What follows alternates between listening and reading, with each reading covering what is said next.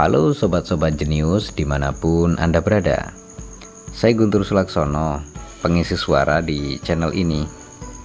Saya sebenarnya lebih aktif untuk update buku-buku terbaru melalui channel youtube saya Namanya Baca Buku. Jadi buat teman-teman yang mau menyapa saya secara langsung Atau mau request buku-buku yang ingin dibacakan, teman-teman bisa mengunjungi channel YouTube saya namanya Baca Buku. Teman-teman bisa mengajukan request buku-buku yang ingin dibacakan atau sekedar say hello.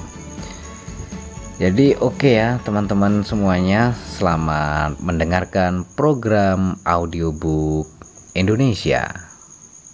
Sehari dalam kehidupan Adam dan Hawa Guna memahami hakikat, sejarah, dan psikologi manusia, kita harus memahami kepala leluhur pemburu pengumpul kita. Selama nyaris sepanjang sejarah spesies kita, spesies hidup sebagai pemburu pengumpul. 200 tahun terakhir, kala semakin banyak spesies bermata pencaharian sebagai buruh perkotaan dan pekerja kantoran, dan 100 ribu tahun sebelumnya, kala sebagian besar sapien hidup sebagai petani dan pengembala, hanyalah sekejap mata dibandingkan dengan puluhan ribu tahun yang dilalui leluhur kita sebagai pemburu pengumpul. Bidang psikologi evolusioner yang sedang mekar-mekarnya berargumen bahwa banyak ciri sosial dan psikologis kita kini terbentuk dalam era pra-pertanian yang panjang itu. Bahkan sekarang, Menurut klaim para cendikiawan psikologi evolusioner, otak dan akal budi kita beradaptasi untuk kehidupan berburu dan mengumpul.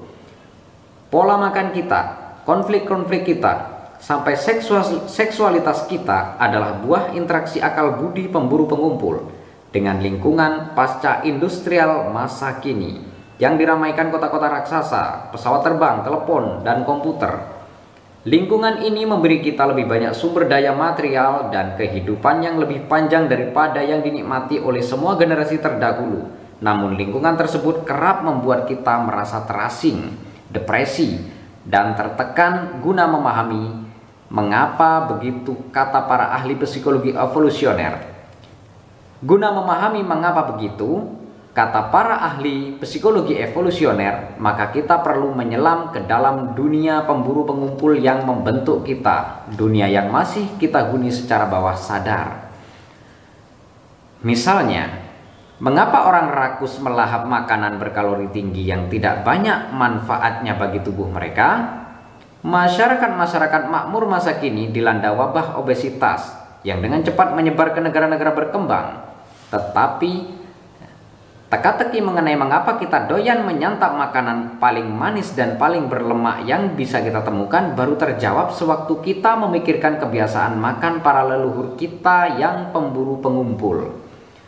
Di sabana dan hutan yang dihuni leluhur kita, makanan manis berkalori tinggi amat sangat jarang dan makanan secara umum tidak banyak ditemukan.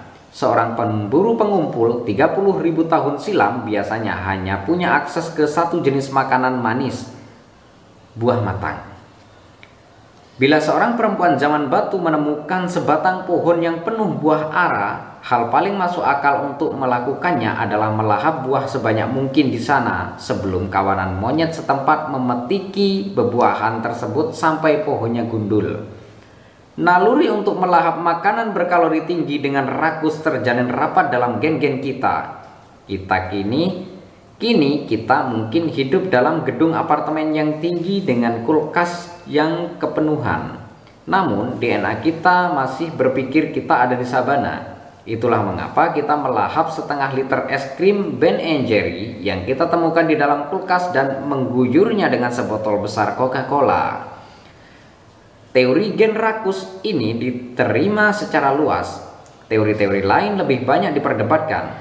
Misalnya, sejumlah ahli psikologi revolusioner Sejumlah ahli psikologi evolusioner berargumen bahwa kawanan-kawanan pemburu pengumpul purba tidak terdiri atas keluarga-keluarga inti yang terpusat yang berpusat di pasangan-pasangan monogami. Para pemburu pengumpul justru hidup dalam komune-komune tanpa harta milik pribadi Hubungan hubungan monogami, bahkan pengerusakan anak oleh ayah. Dalam kawanan semacam itu, seorang perempuan bisa berhubungan seks dan membentuk ikatan akrab dengan beberapa laki-laki dan perempuan. Secara bersamaan, semua orang dewasa dalam kawanan itu bekerja sama merawat anak-anaknya. Oleh karena tidak ada laki-laki yang tahu dengan pasti yang mana anak-anak kandungnya, laki-laki menunjukkan kepedulian yang sama kepada semua anak. Struktur sosial semacam itu bukanlah utopia zaman modern. Struktur tersebut terdokumentasi dengan baik di antara hewan, terutama kerabat-kerabat kita yang paling dekat, simpanse dan bonobo. Bahkan ada sejumlah kebudayaan manusia masa kini yang mempraktikkan pengurusan oleh banyak ayah seperti yang dilakukan orang-orang Indian Bari. Menurut kepercayaan masyarakat-masyarakat semacam itu, seorang anak bukan terlahir dari sperma satu laki-laki, melainkan dari akumulasi sperma dalam rahim seorang perempuan.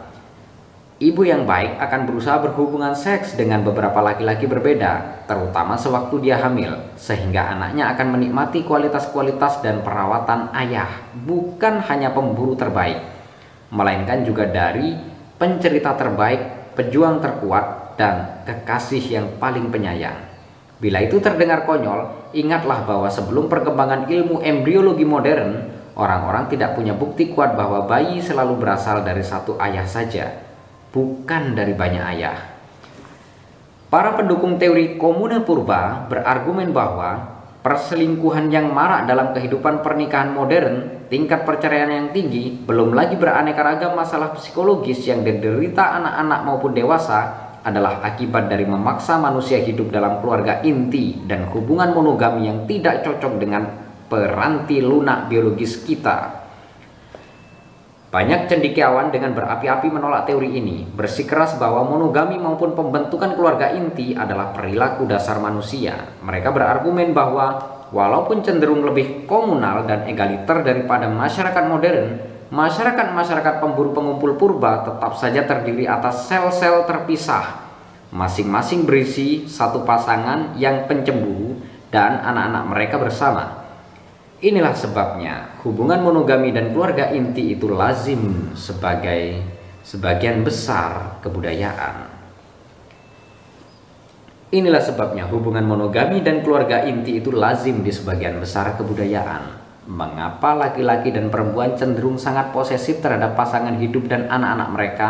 Dan mengapa di negara-negara modern seperti Korea Utara dan Suriah sekalipun kewenangan otoritas diwariskan dari ayah ke anak? Guna menuntaskan kontroversi ini dan memahami perihal seksualitas, masyarakat, dan politik kita, kita perlu belajar tentang kondisi-kondisi kehidupan leluhur kita, menggaji sebagaimana sapien hidup antara revolusi kognitif pada 70.000 tahun silam dan awal mula revolusi pertanian sekitar 12.000 tahun silam. Sayangnya, hanya sedikit hal yang sudah dipastikan mengenai kehidupan leluhur pemburu pengumpul kita, Perdebatan antara mazhab komune purba dan monogami abadi didasarkan kepada bukti yang lemah. Kita jelas tidak punya catatan tertulis dari zaman para pemburu pengumpul dan bukti arkeologis terutama terdiri atas fosil tulang dan alat batu. Artefak-artefak yang dibuat dari bahan yang lebih mudah hancur seperti kayu, bambu, dan atau kulit bertahan hanya dalam kondisi-kondisi tertentu Kesan yang diperoleh banyak orang bahwa manusia pra-pertanian hidup dalam zaman batu adalah kesalahpahaman yang didasari bias arkeologis itu. Zaman batu mungkin lebih akurat disebut zaman kayu karena sebagian besar alat yang digunakan oleh pemburu pengumpul purba terbuat dari kayu. Rekonstruksi apa pun mengenai kehidupan para pemburu pengumpul purba dari artefak-artefak yang masih ada di luar sana problematik. Salah satu perbedaan paling menonjol antara pemburu pengumpul purba dan keturunan mereka yang agraris dan industrial adalah bahwa memang dari awal para pemburu pengumpul memiliki sedikit sekali artefak dan artefak-artefak itu berperan relatif kecil dalam kehidupan mereka.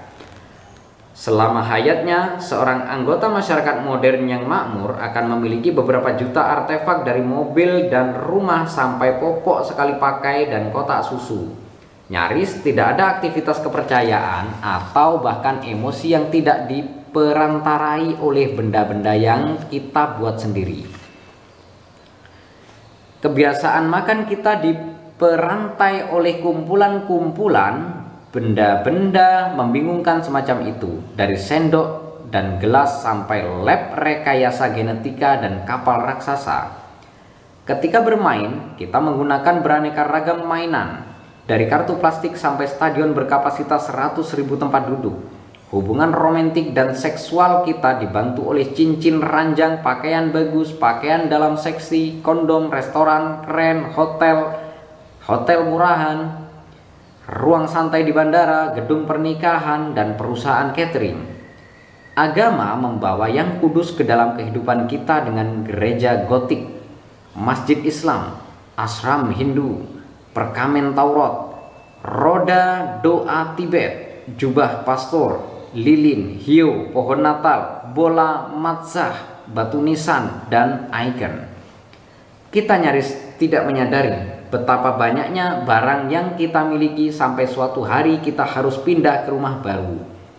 Para pemburu pengumpul berpindah tempat tinggal setiap bulan, setiap minggu, dan terkadang bahkan setiap hari memanggul apa pun yang mereka punya di punggung. Tidak ada perusahaan pindah rumah, gerobak atau bahkan hewan hewan beban untuk berbagi bawaan. Karena itu mereka memiliki barang secukupnya saja. Dengan demikian, masuk akal bila kita menduga bahwa sebagian besar kehidupan mental, religius, dan emosional mereka dijalankan tanpa bantuan artefak Seorang ahli arkeologi yang melaksanakan penelitian 100.000 tahun dari sekarang dapat menyusun gambaran yang masuk akal mengenai kepercayaan dan praktik Islam dari beraneka benda yang yang temukan di reruntuhan masjid. Namun kita nyaris tidak punya pegangan apa-apa dalam mencoba memahami kepercayaan dan ritual para pemburu pengumpul purba. Dilema tersebut mirip sekali dengan yang bakal dihadapi ahli sejarah masa depan bila dia harus menggambarkan dunia sosial remaja Amerika abad ke-21 semata berdasarkan surat tertulis mereka yang masih ada. Sebab tidak akan ada catatan yang tersisa dari percakapan telepon, surat elektronik, blog, dan SMS mereka. Oleh karena itu, mengandalkan artefak akan menghasilkan tuturan yang bias mengenai kehidupan pemburu pengumpul purba Salah satu cara mengatasinya adalah menengok masyarakat-masyarakat pemburu pengumpul modern. Mereka dapat dipelajari secara langsung melalui pengamatan antropologis.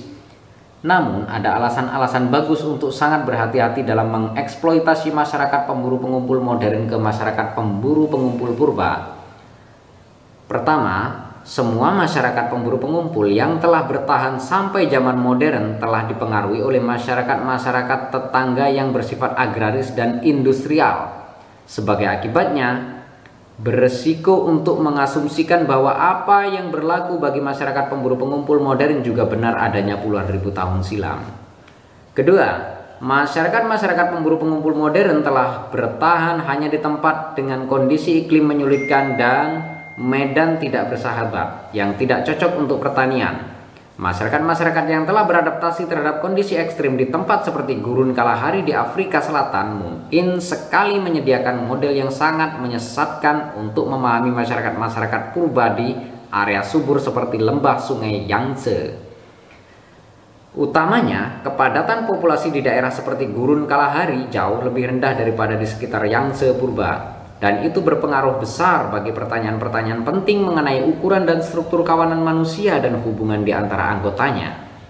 Ketiga, ciri paling menonjol masyarakat pemburu pengumpul adalah betapa perbedaannya mereka satu sama lain.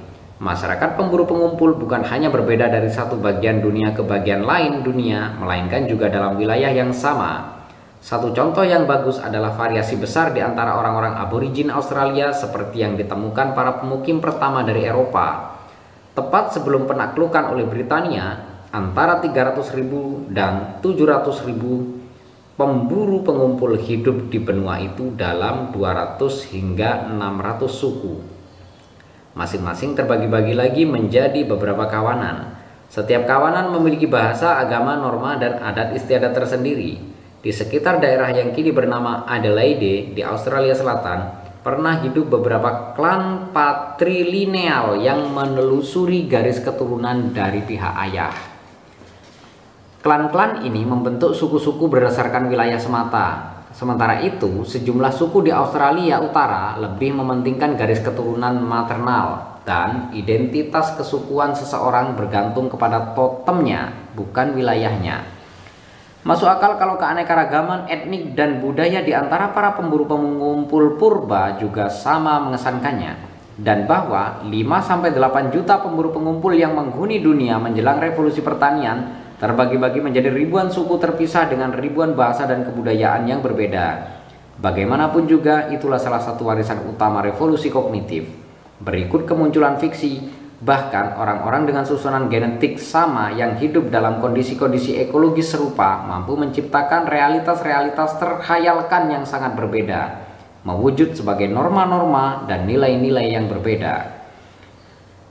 Misalnya, ada banyak alasan untuk percaya bahwa kawanan pemburu pengumpul yang hidup 30.000 tahun silam di lokasi berdirinya Oxford University sekarang berbicara dengan bahasa berbeda dari kawanan yang hidup di lokasi Cambridge sekarang. Salah satu kawanan mungkin gemar bertarung, sementara yang satu lagi pencinta damai. Barangkali kawanan Cambridge bersifat komunal, sementara kawanan Oxford didasari keluarga inti. Orang-orang Cambridge mungkin menghabiskan waktu berjam-jam mengukir patung-patung kayu arwah pelindung mereka. Sementara orang-orang Oxford mungkin melakukan kemajuan melalui tari-tarian. Kawanan yang pertama mungkin mempercayai reinkarnasi, sementara kawanan satunya pikir reinkarnasi itu omong kosong. Dalam salah satu masyarakat, hubungan seksual sesama jenis mungkin bisa diterima, sementara di masyarakat yang satu lagi dianggap tabu. Dengan kata lain, Walaupun pengamatan antropologis terhadap pemburu pengumpul modern bisa membantu kita memahami sejumlah kemungkinan yang tersedia bagi para pemburu pengumpul purba, cakrawala kemungkinan purba jauh lebih lebar dan sebagai sebagian besar tersembunyi dari penglihatan kita. Perdebatan sengit mengenai cara hidup alami Homo sapien melenceng dari perkara pokok. Sejak revolusi kognitif, tidak pernah ada cara hidup alami tunggal bagi sapien hanya ada pilihan-pilihan budaya dari kumpulan kemungkinan yang begitu besar. Masyarakat makmur pertama Generalis generalisasi apa saja yang masih bisa kita buat mengenai hidup di dunia pra-pertanian tampaknya cukup aman untuk mengatakan bahwa sebagian sangat besar orang hidup dalam kawanan-kawanan kecil yang terdiri atas beberapa lusin atau paling banyak beberapa ratus individu dan bahwa selama individu ini merupakan manusia. Poin terakhir itu penting untuk dicatat karena sama sekali tidak gamblang. Sebagian besar anggota masyarakat agraris dan industrial adalah hewan terdok adalah hewan terdomestikasi.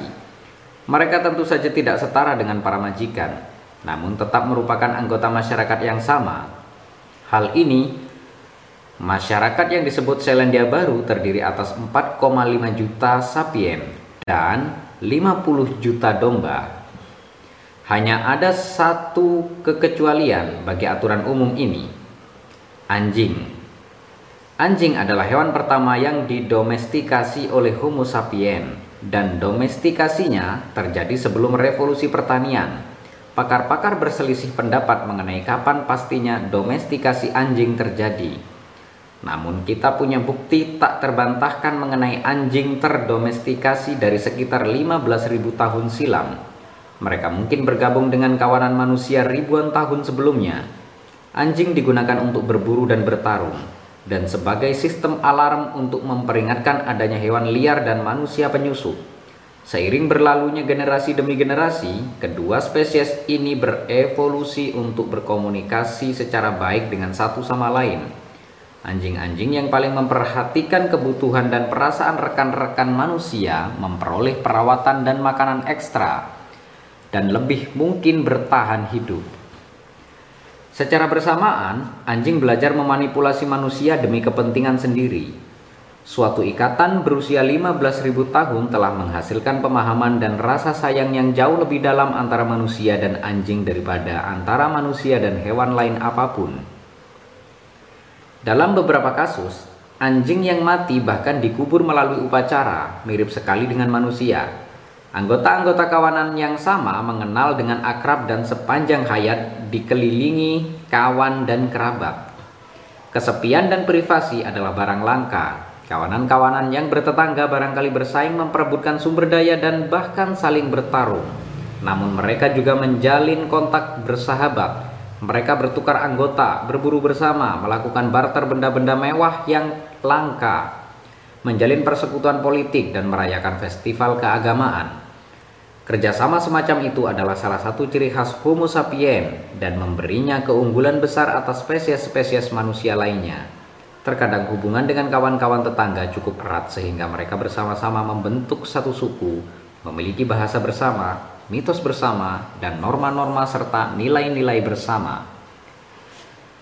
Tetap saja kita tidak boleh melebih-lebihkan nilai hubungan-hubungan eksternal semacam itu Bahkan kalaupun pada saat krisis kawanan-kawanan bertetangga semakin merapat dan bahkan kalaupun mereka terkadang berkumpul untuk berburu atau berpesta bersama, kawanan pemburu pemung kawanan pemburu pengumpul tetap menghabiskan sebagian sangat besar waktu dalam kesendirian dan kemandirian sempurna. Perniagaan umumnya terbatas hanya untuk barang-barang bergengsi seperti cangkang kerang, ambar, dan zat pewarna. Tidak ada bukti bahwa manusia zaman itu melakukan pertukaran kebutuhan pokok seperti buah dan daging, atau bahwa keberadaan satu kawanan bergantung kepada impor barang-barang dari kawanan lain. Hubungan sosiopolitik juga cenderung sporadis. Suku tidak berperan sebagai kerangka kerja politik permanen, dan kalaupun memiliki tempat pertemuan musiman, suku tidak memiliki kota atau lembaga yang permanen. Rata-rata orang ketika hidup berbulan-bulan tanpa melihat apa pun terdengar manusia dari luar kawanannya, kawanannya sendiri. Dan sepanjang hayatnya dia menjumpai tak lebih daripada beberapa ratus manusia. Populasi sapien terpencar di wilayah yang sangat luas. Sebelum revolusi pertanian, populasi manusia di seluruh planet ini lebih kecil daripada populasi Kairo hari ini. Kebanyakan kawanan sapien hidup di jalanan, berpindah-pindah dari satu tempat ke tempat lain demi mencari makanan. Perpindahan mereka dipengaruhi oleh perubahan musim, migrasi tahunan hewan, dan siklus pertumbuhan tumbuhan. Mereka biasanya menempuh perjalanan bolak-balik melintasi wilayah kekuasaan sendiri, seluas antara beberapa lusin sampai beratus-ratus kilometer persegi. Terkadang kawanan mengembara keluar dari wilayah sendiri dan menjelajahi kawasan baru, entah itu karena bencana alam, konflik sengit, tekanan demografik, atau inisiatif seorang pemimpin karismatik.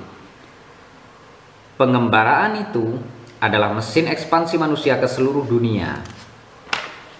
Bila satu kawanan pemburu peramu pecah setiap 40 tahun sekali dan kelompok pecahannya bermigrasi ke satu wilayah baru 100 km di sebelah timur, jarak dari Afrika Timur sampai Tiongkok akan ditempuh dalam kira-kira 10.000 tahun. Dalam beberapa kasus luar biasa, ketika sumber makanan teramat melimpah, kawanan-kawanan bermukim di kem musiman atau bahkan permanen. Teknik-teknik mengerikan mengasapi dan membekukan makanan juga membuat manusia tidak perlu pindah untuk waktu yang lebih lama. Yang lebih penting, di sepanjang tepi laut dan sungai yang kaya makanan laut dan burung air, manusia mendirikan desa-desa nelayan permanen. Permukiman-permukiman pertama dalam sejarah, lama sebelum revolusi pertanian. Desa-desa nelayan mungkin telah muncul di pesisir pulau-pulau Indonesia bahkan pada 45.000 tahun silam. Mungkin desa-desa itu merupakan pangkalan tempat Homo sapien meluncurkan upaya menyeberang penyeberangan laut pertamanya, invasi Australia. Di sebagian besar habitat kawanan-kawanan sapien menyantap makanan secara luwes dan oportunistik. Mereka bersusah payah mencomot rayap, memetik buah, menggali umbi, menjerat kelinci, serta berburu bison dan mamut. Meskipun ada citra populer manusia pemburu, aktivitas utama sapien sebenarnya adalah mengumpul. Dan dari kegiatan itu mereka memperoleh sebagian besar kalori, juga bahan mentah seperti batu api, kayu, dan bambu. Sapien bukan hanya mencari makanan dan bahan mentah, melainkan juga mencari pengetahuan. Agar bertahan hidup, sapien perlu peta mental terperinci mengenai wilayah mereka, Guna memaksimalkan efisiensi pencarian makanan yang dilaksanakan setiap hari, Sapien membutuhkan informasi mengenai pola pertumbuhan setiap tumbuhan dan kebiasaan setiap hewan. Mereka perlu tahu makanan mana yang mengenyangkan, mana yang membuat sakit, dan bagaimana menggunakan makanan lain sebagai obat. Mereka perlu tahu mengenai berlalunya musim dan tanda-tanda peringatan apa yang mendahului badai petir atau kekeringan. Mereka mempelajari setiap sungai, setiap pohon, setiap gua, beruang, dan setiap sumber batu api di dekat-dekat mereka.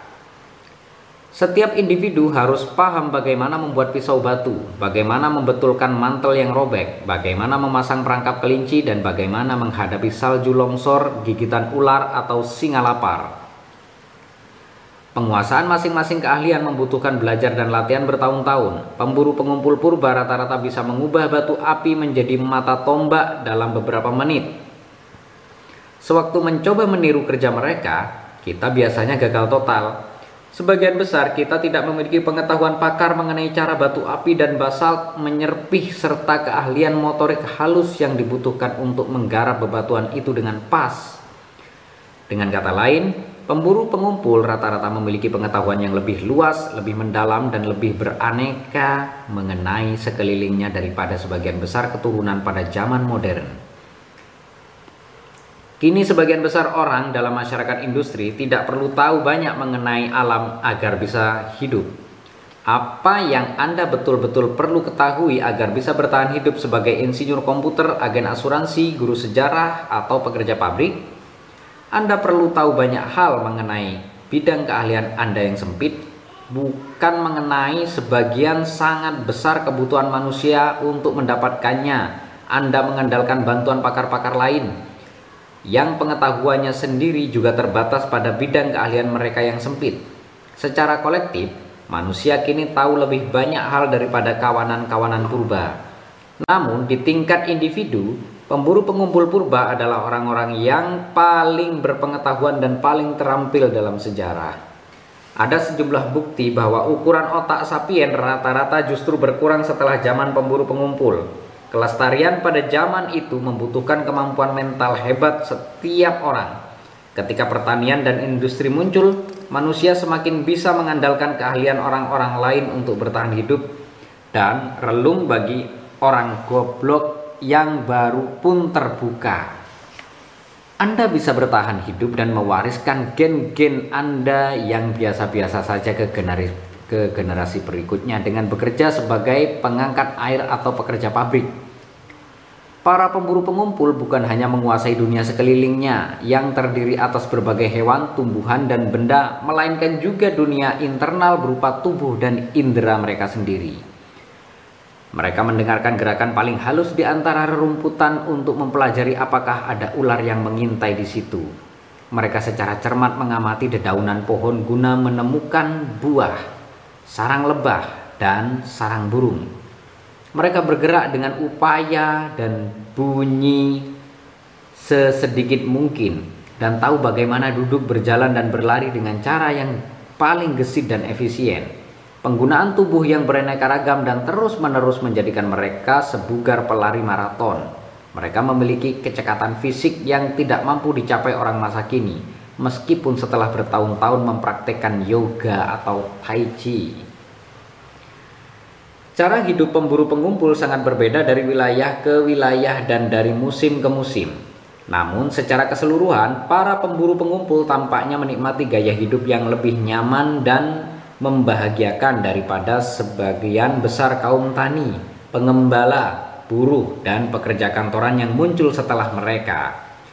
Sementara orang-orang dalam masyarakat makmur masa kini bekerja rata-rata 40 sampai 65 jam per minggu dan orang-orang di negara berkembang bekerja 60 atau bahkan 80 jam per minggu.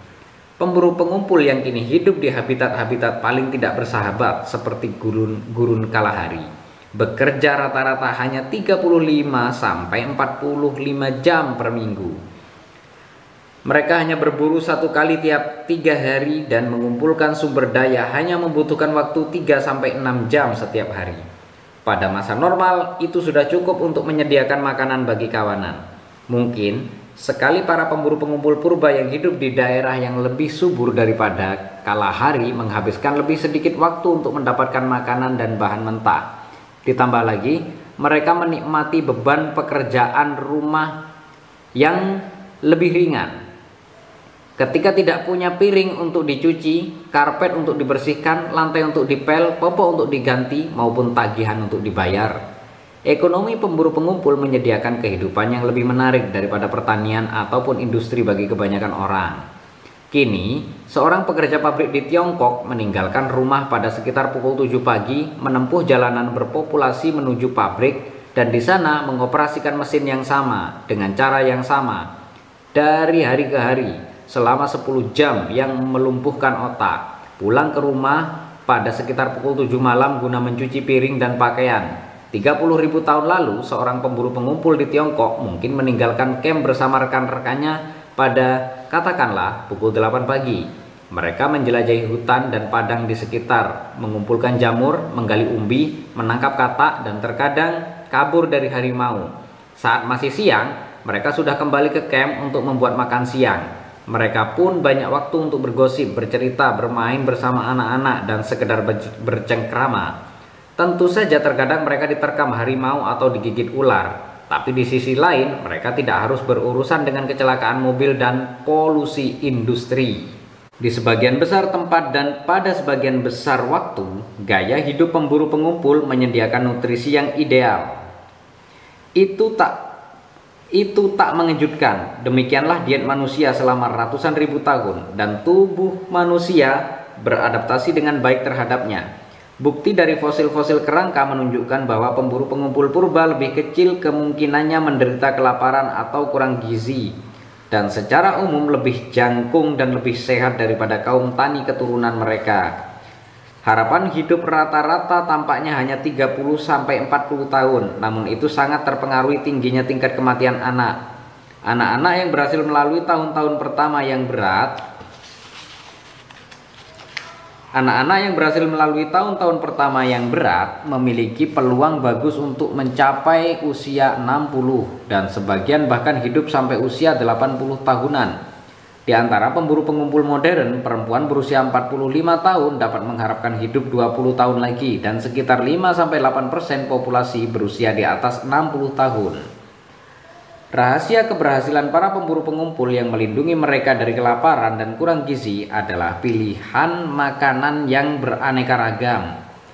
Petani cenderung menyantap diet yang sangat terbatas dan tidak seimbang, terutama pada masa pra-modern Sebagian besar kalori yang menyediakan makanan bagi populasi agrikultural berasal dari satu jenis tanaman pangan, misalnya gandum, kentang, atau beras, yang tidak memiliki sebagian vitamin, mineral, dan zat-zat gizi lain yang dibutuhkan manusia.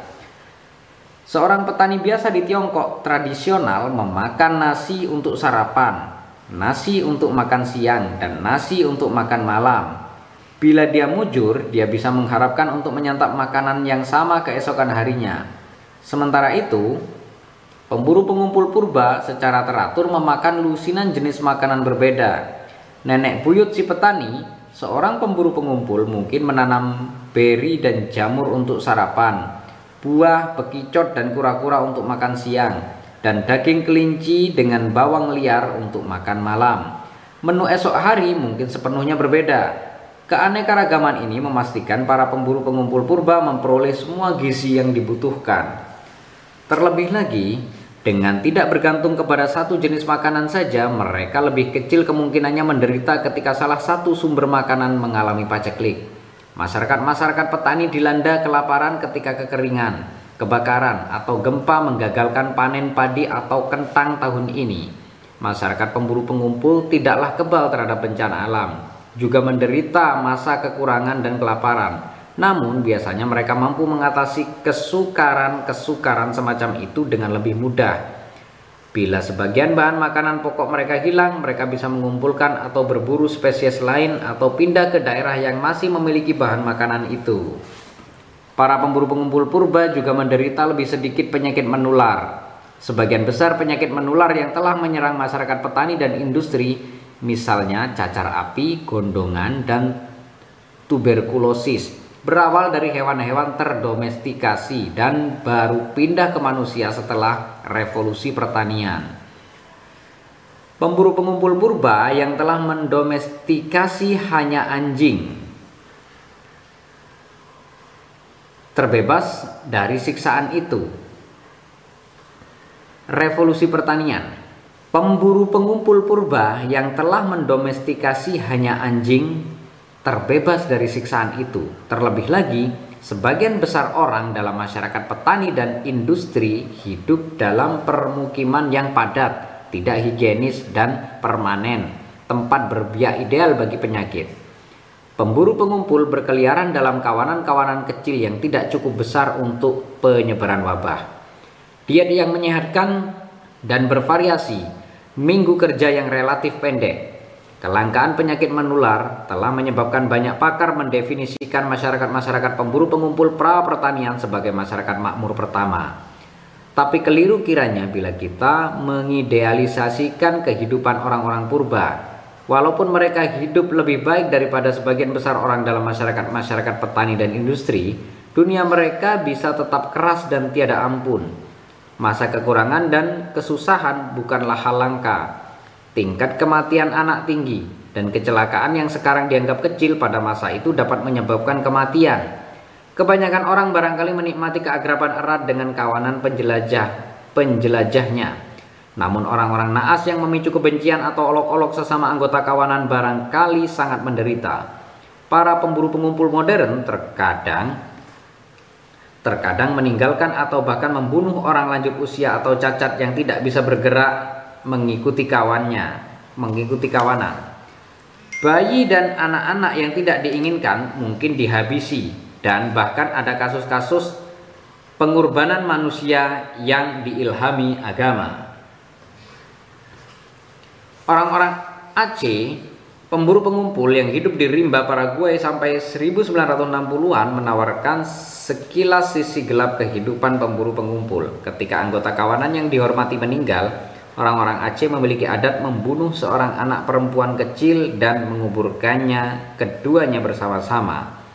Ahli-ahli antropologi yang mewawancarai orang-orang Aceh mencatat satu kasus di mana satu kawanan meninggalkan seorang laki-laki berusia lanjut yang jatuh sakit dan tidak bisa mengikuti yang lain.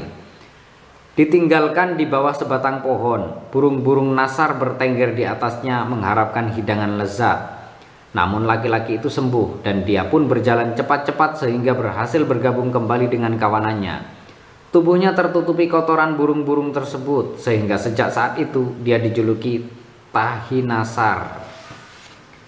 Ketika seorang perempuan Aceh tua menjadi beban bagi kawanannya, salah seorang laki-laki yang lebih muda akan menyelinap ke belakang si nenek dan membunuhnya dengan mengepak kepalanya.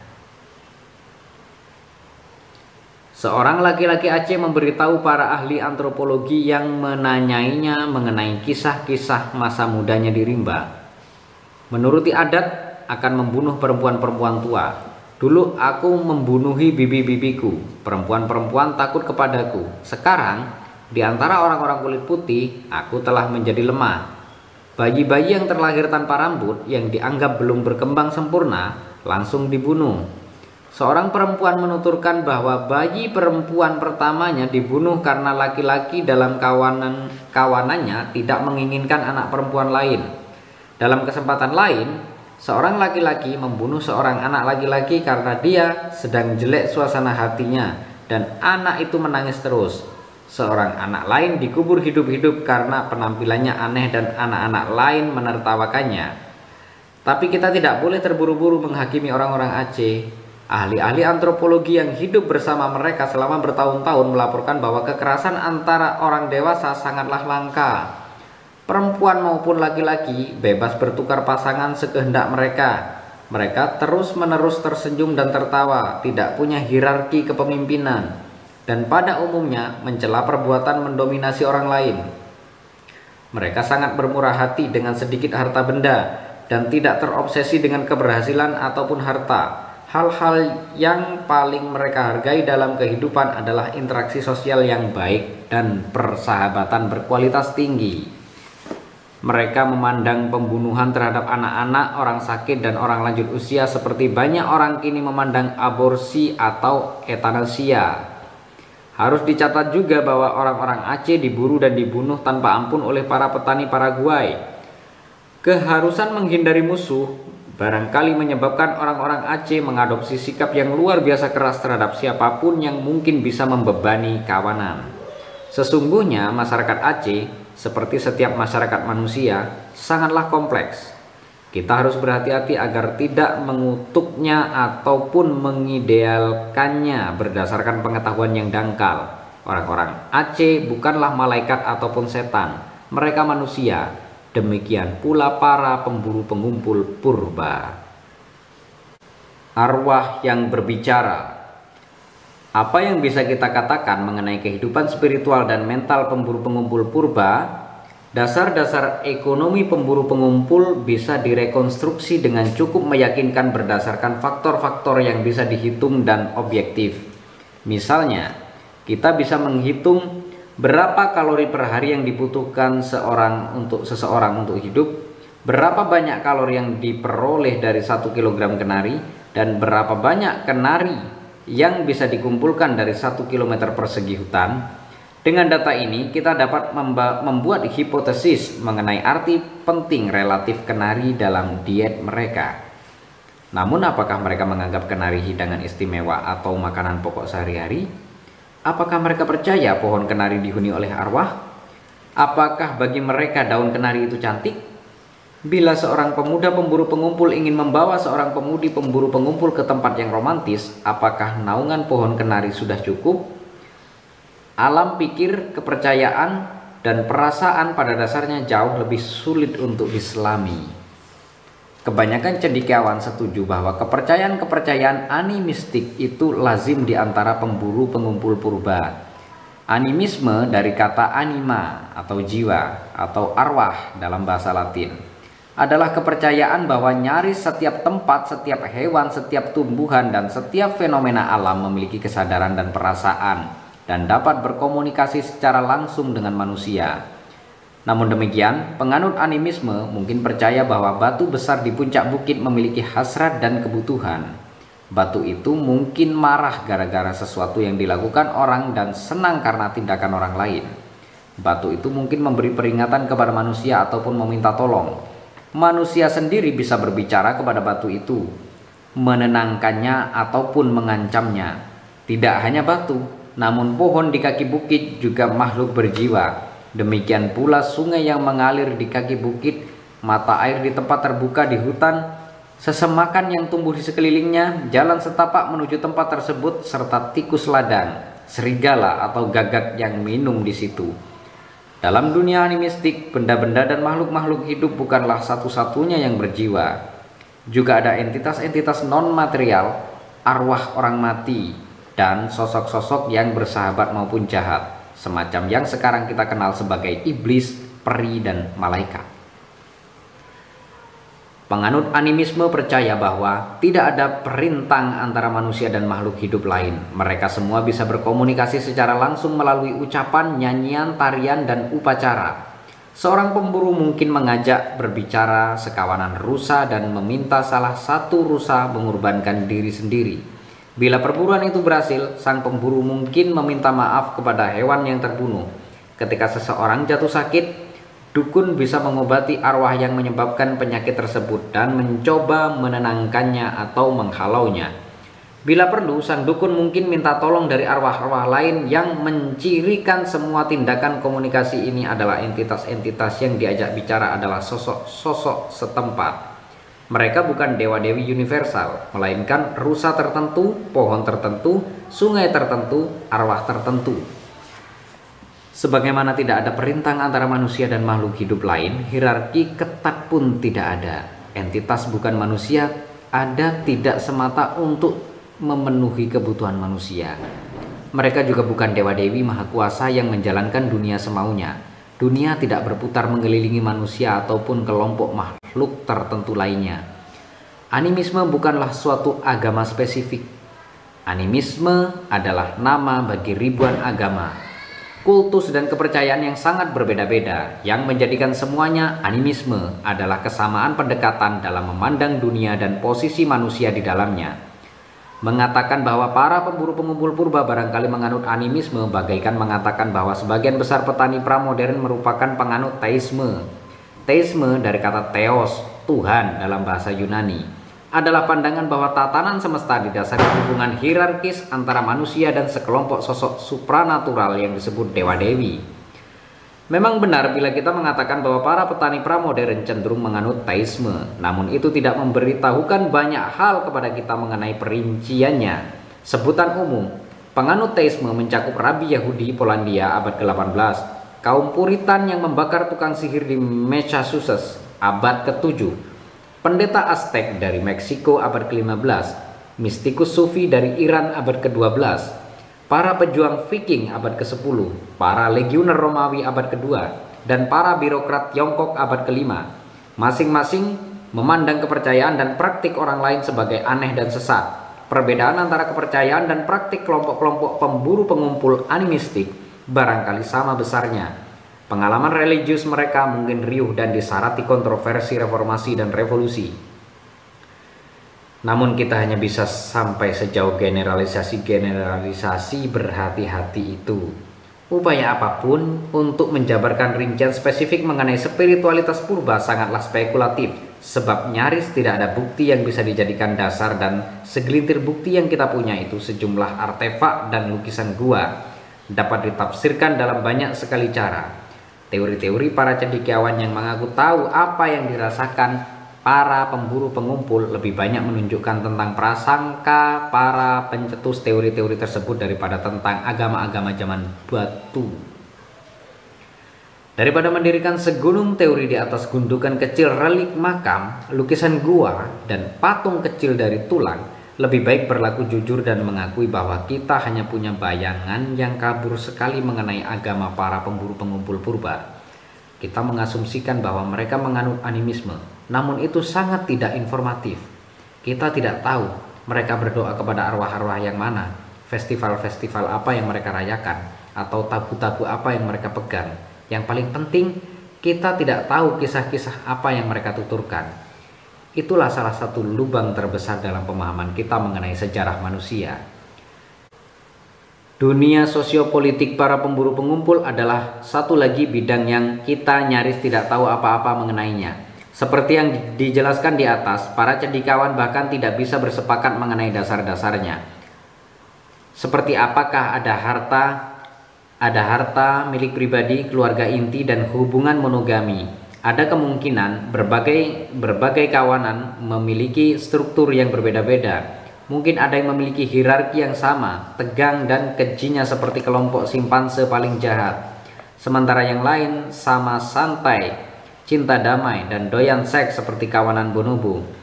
Di Sungir, Rusia, pada 1955, ahli-ahli arkeologi menemukan situs pemakaman berusia 30.000 tahun memiliki kebudayaan pemburu mamut. Dalam salah satu makam mereka menemukan kerangka seorang laki-laki berusia 50 tahun yang ditutupi beronce-ronce manik. Beronce-ronce manik-manik gading mamut dengan total sekitar 3000 manik-manik.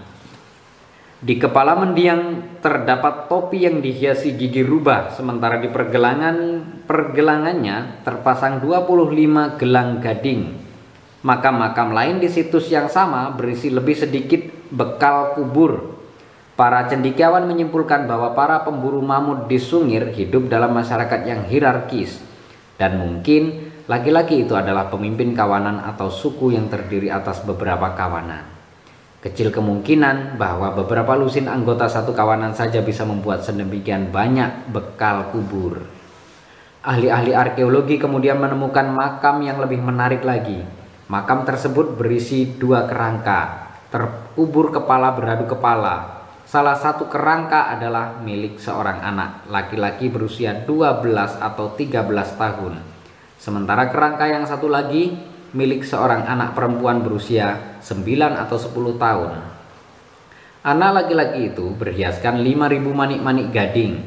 Dia mengenakan topi gigi rubah dan sabuk dengan 250 gigi rubah.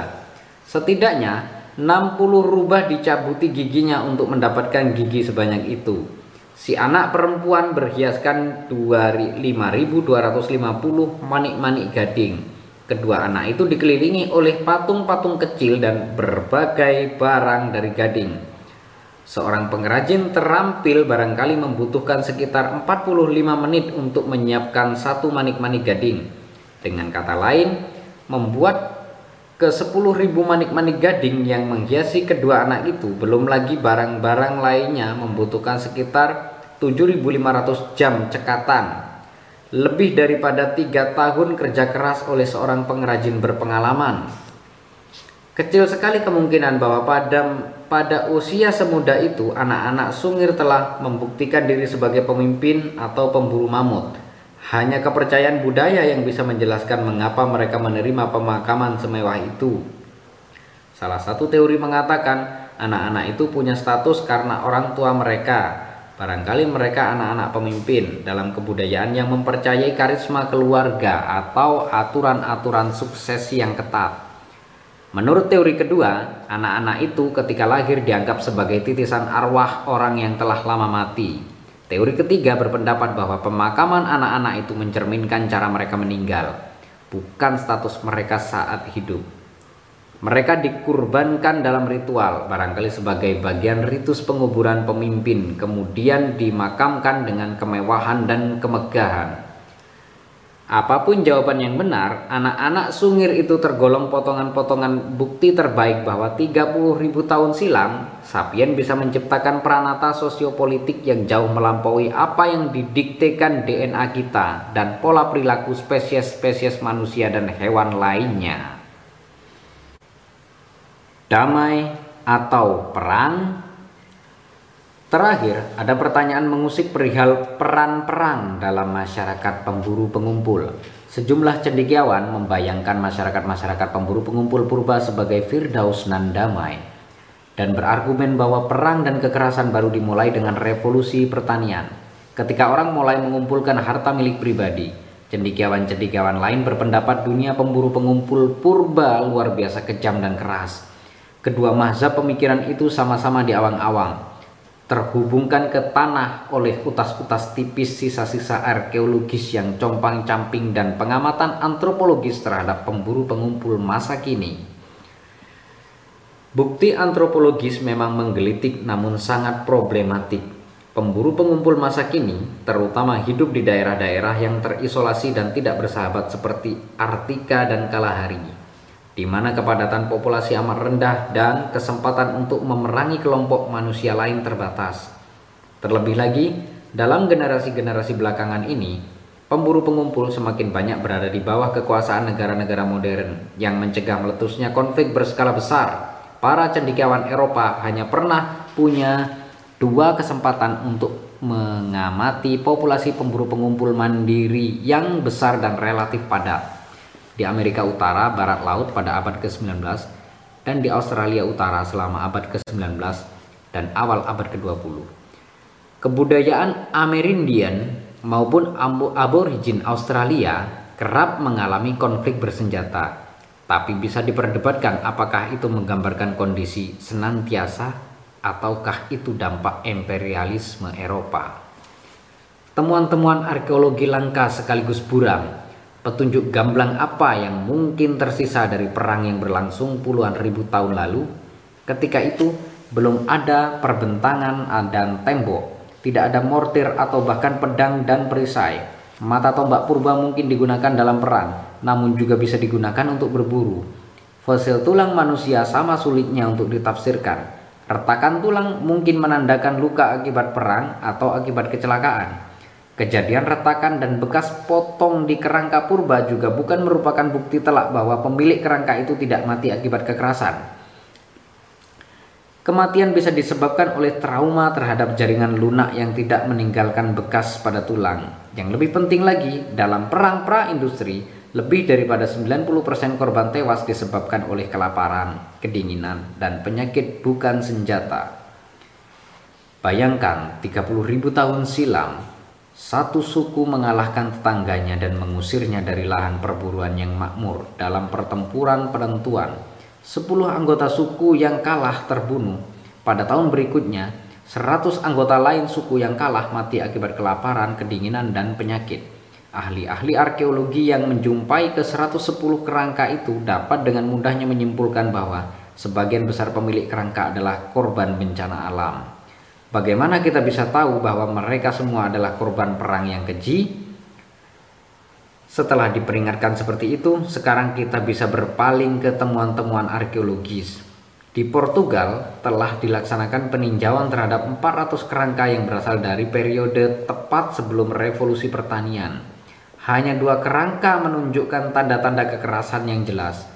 Survei serupa terhadap 400 kerangka dari periode yang sama di Israel menemukan satu retakan di satu tengkorak yang dapat dinyatakan sebagai akibat kekerasan oleh manusia.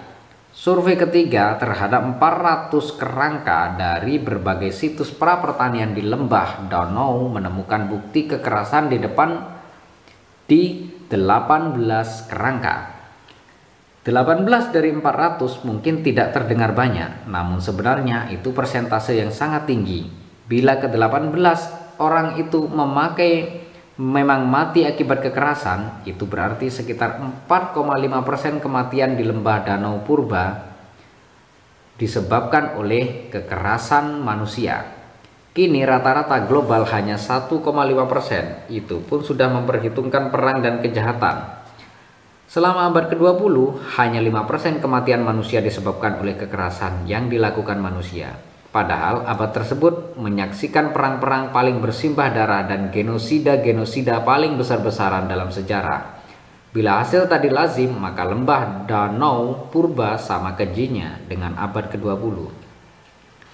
Temuan menyesakkan dari lembah Danau itu didukung oleh serangkaian temuan yang sama menyesakkannya dari daerah-daerah lain, di Jabal Sahaba di Sudan ditemukan pemakaman berusia 12.000 tahun dengan 59 kerangka. Anak panah dan mata tombak ditemukan tertanam di dalam atau tergeletak di dekat tulang belulang 24 kerangka. 40% ditemukan.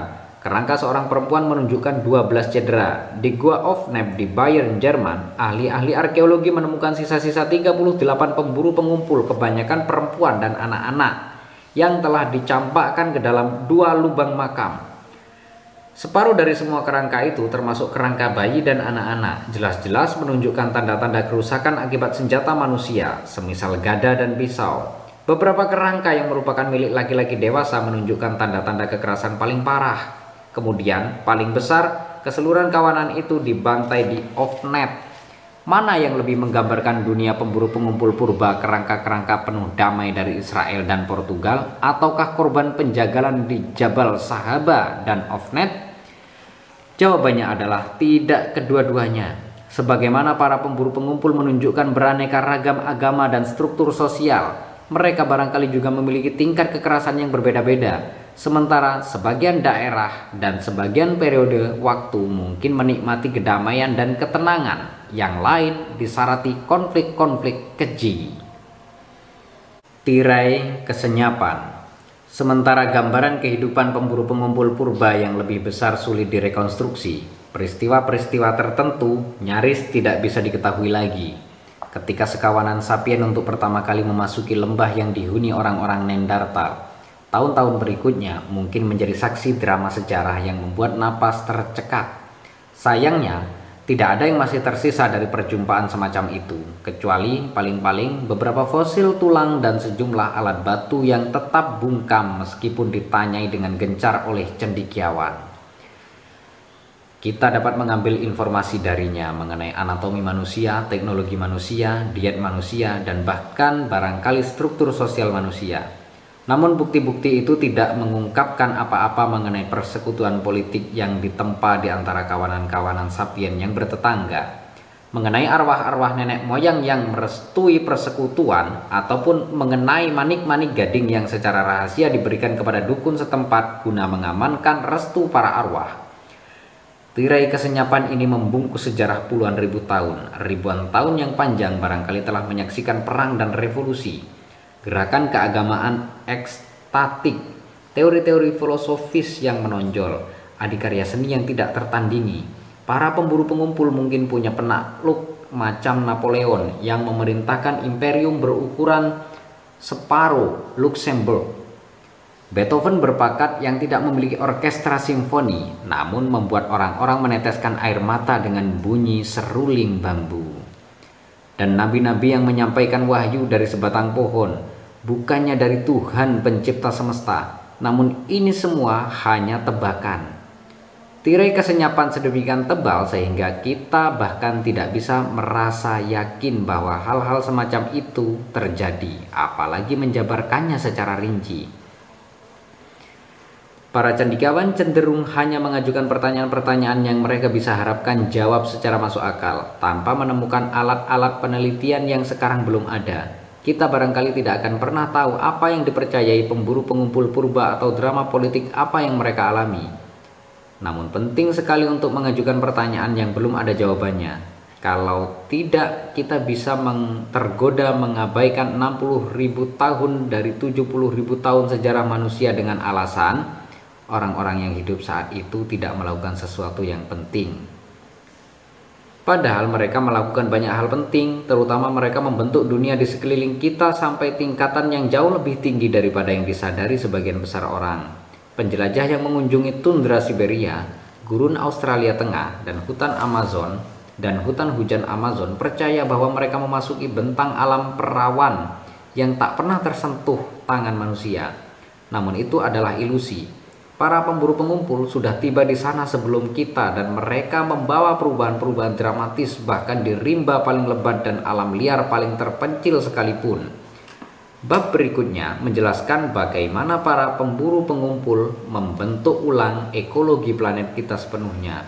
Lama sebelum desa pertanian pertama dibangun, kawanan-kawanan sapien, pengelana, dan penuh cerita adalah kekuatan paling penting sekaligus paling merusak yang pernah dihasilkan kingdom hewan.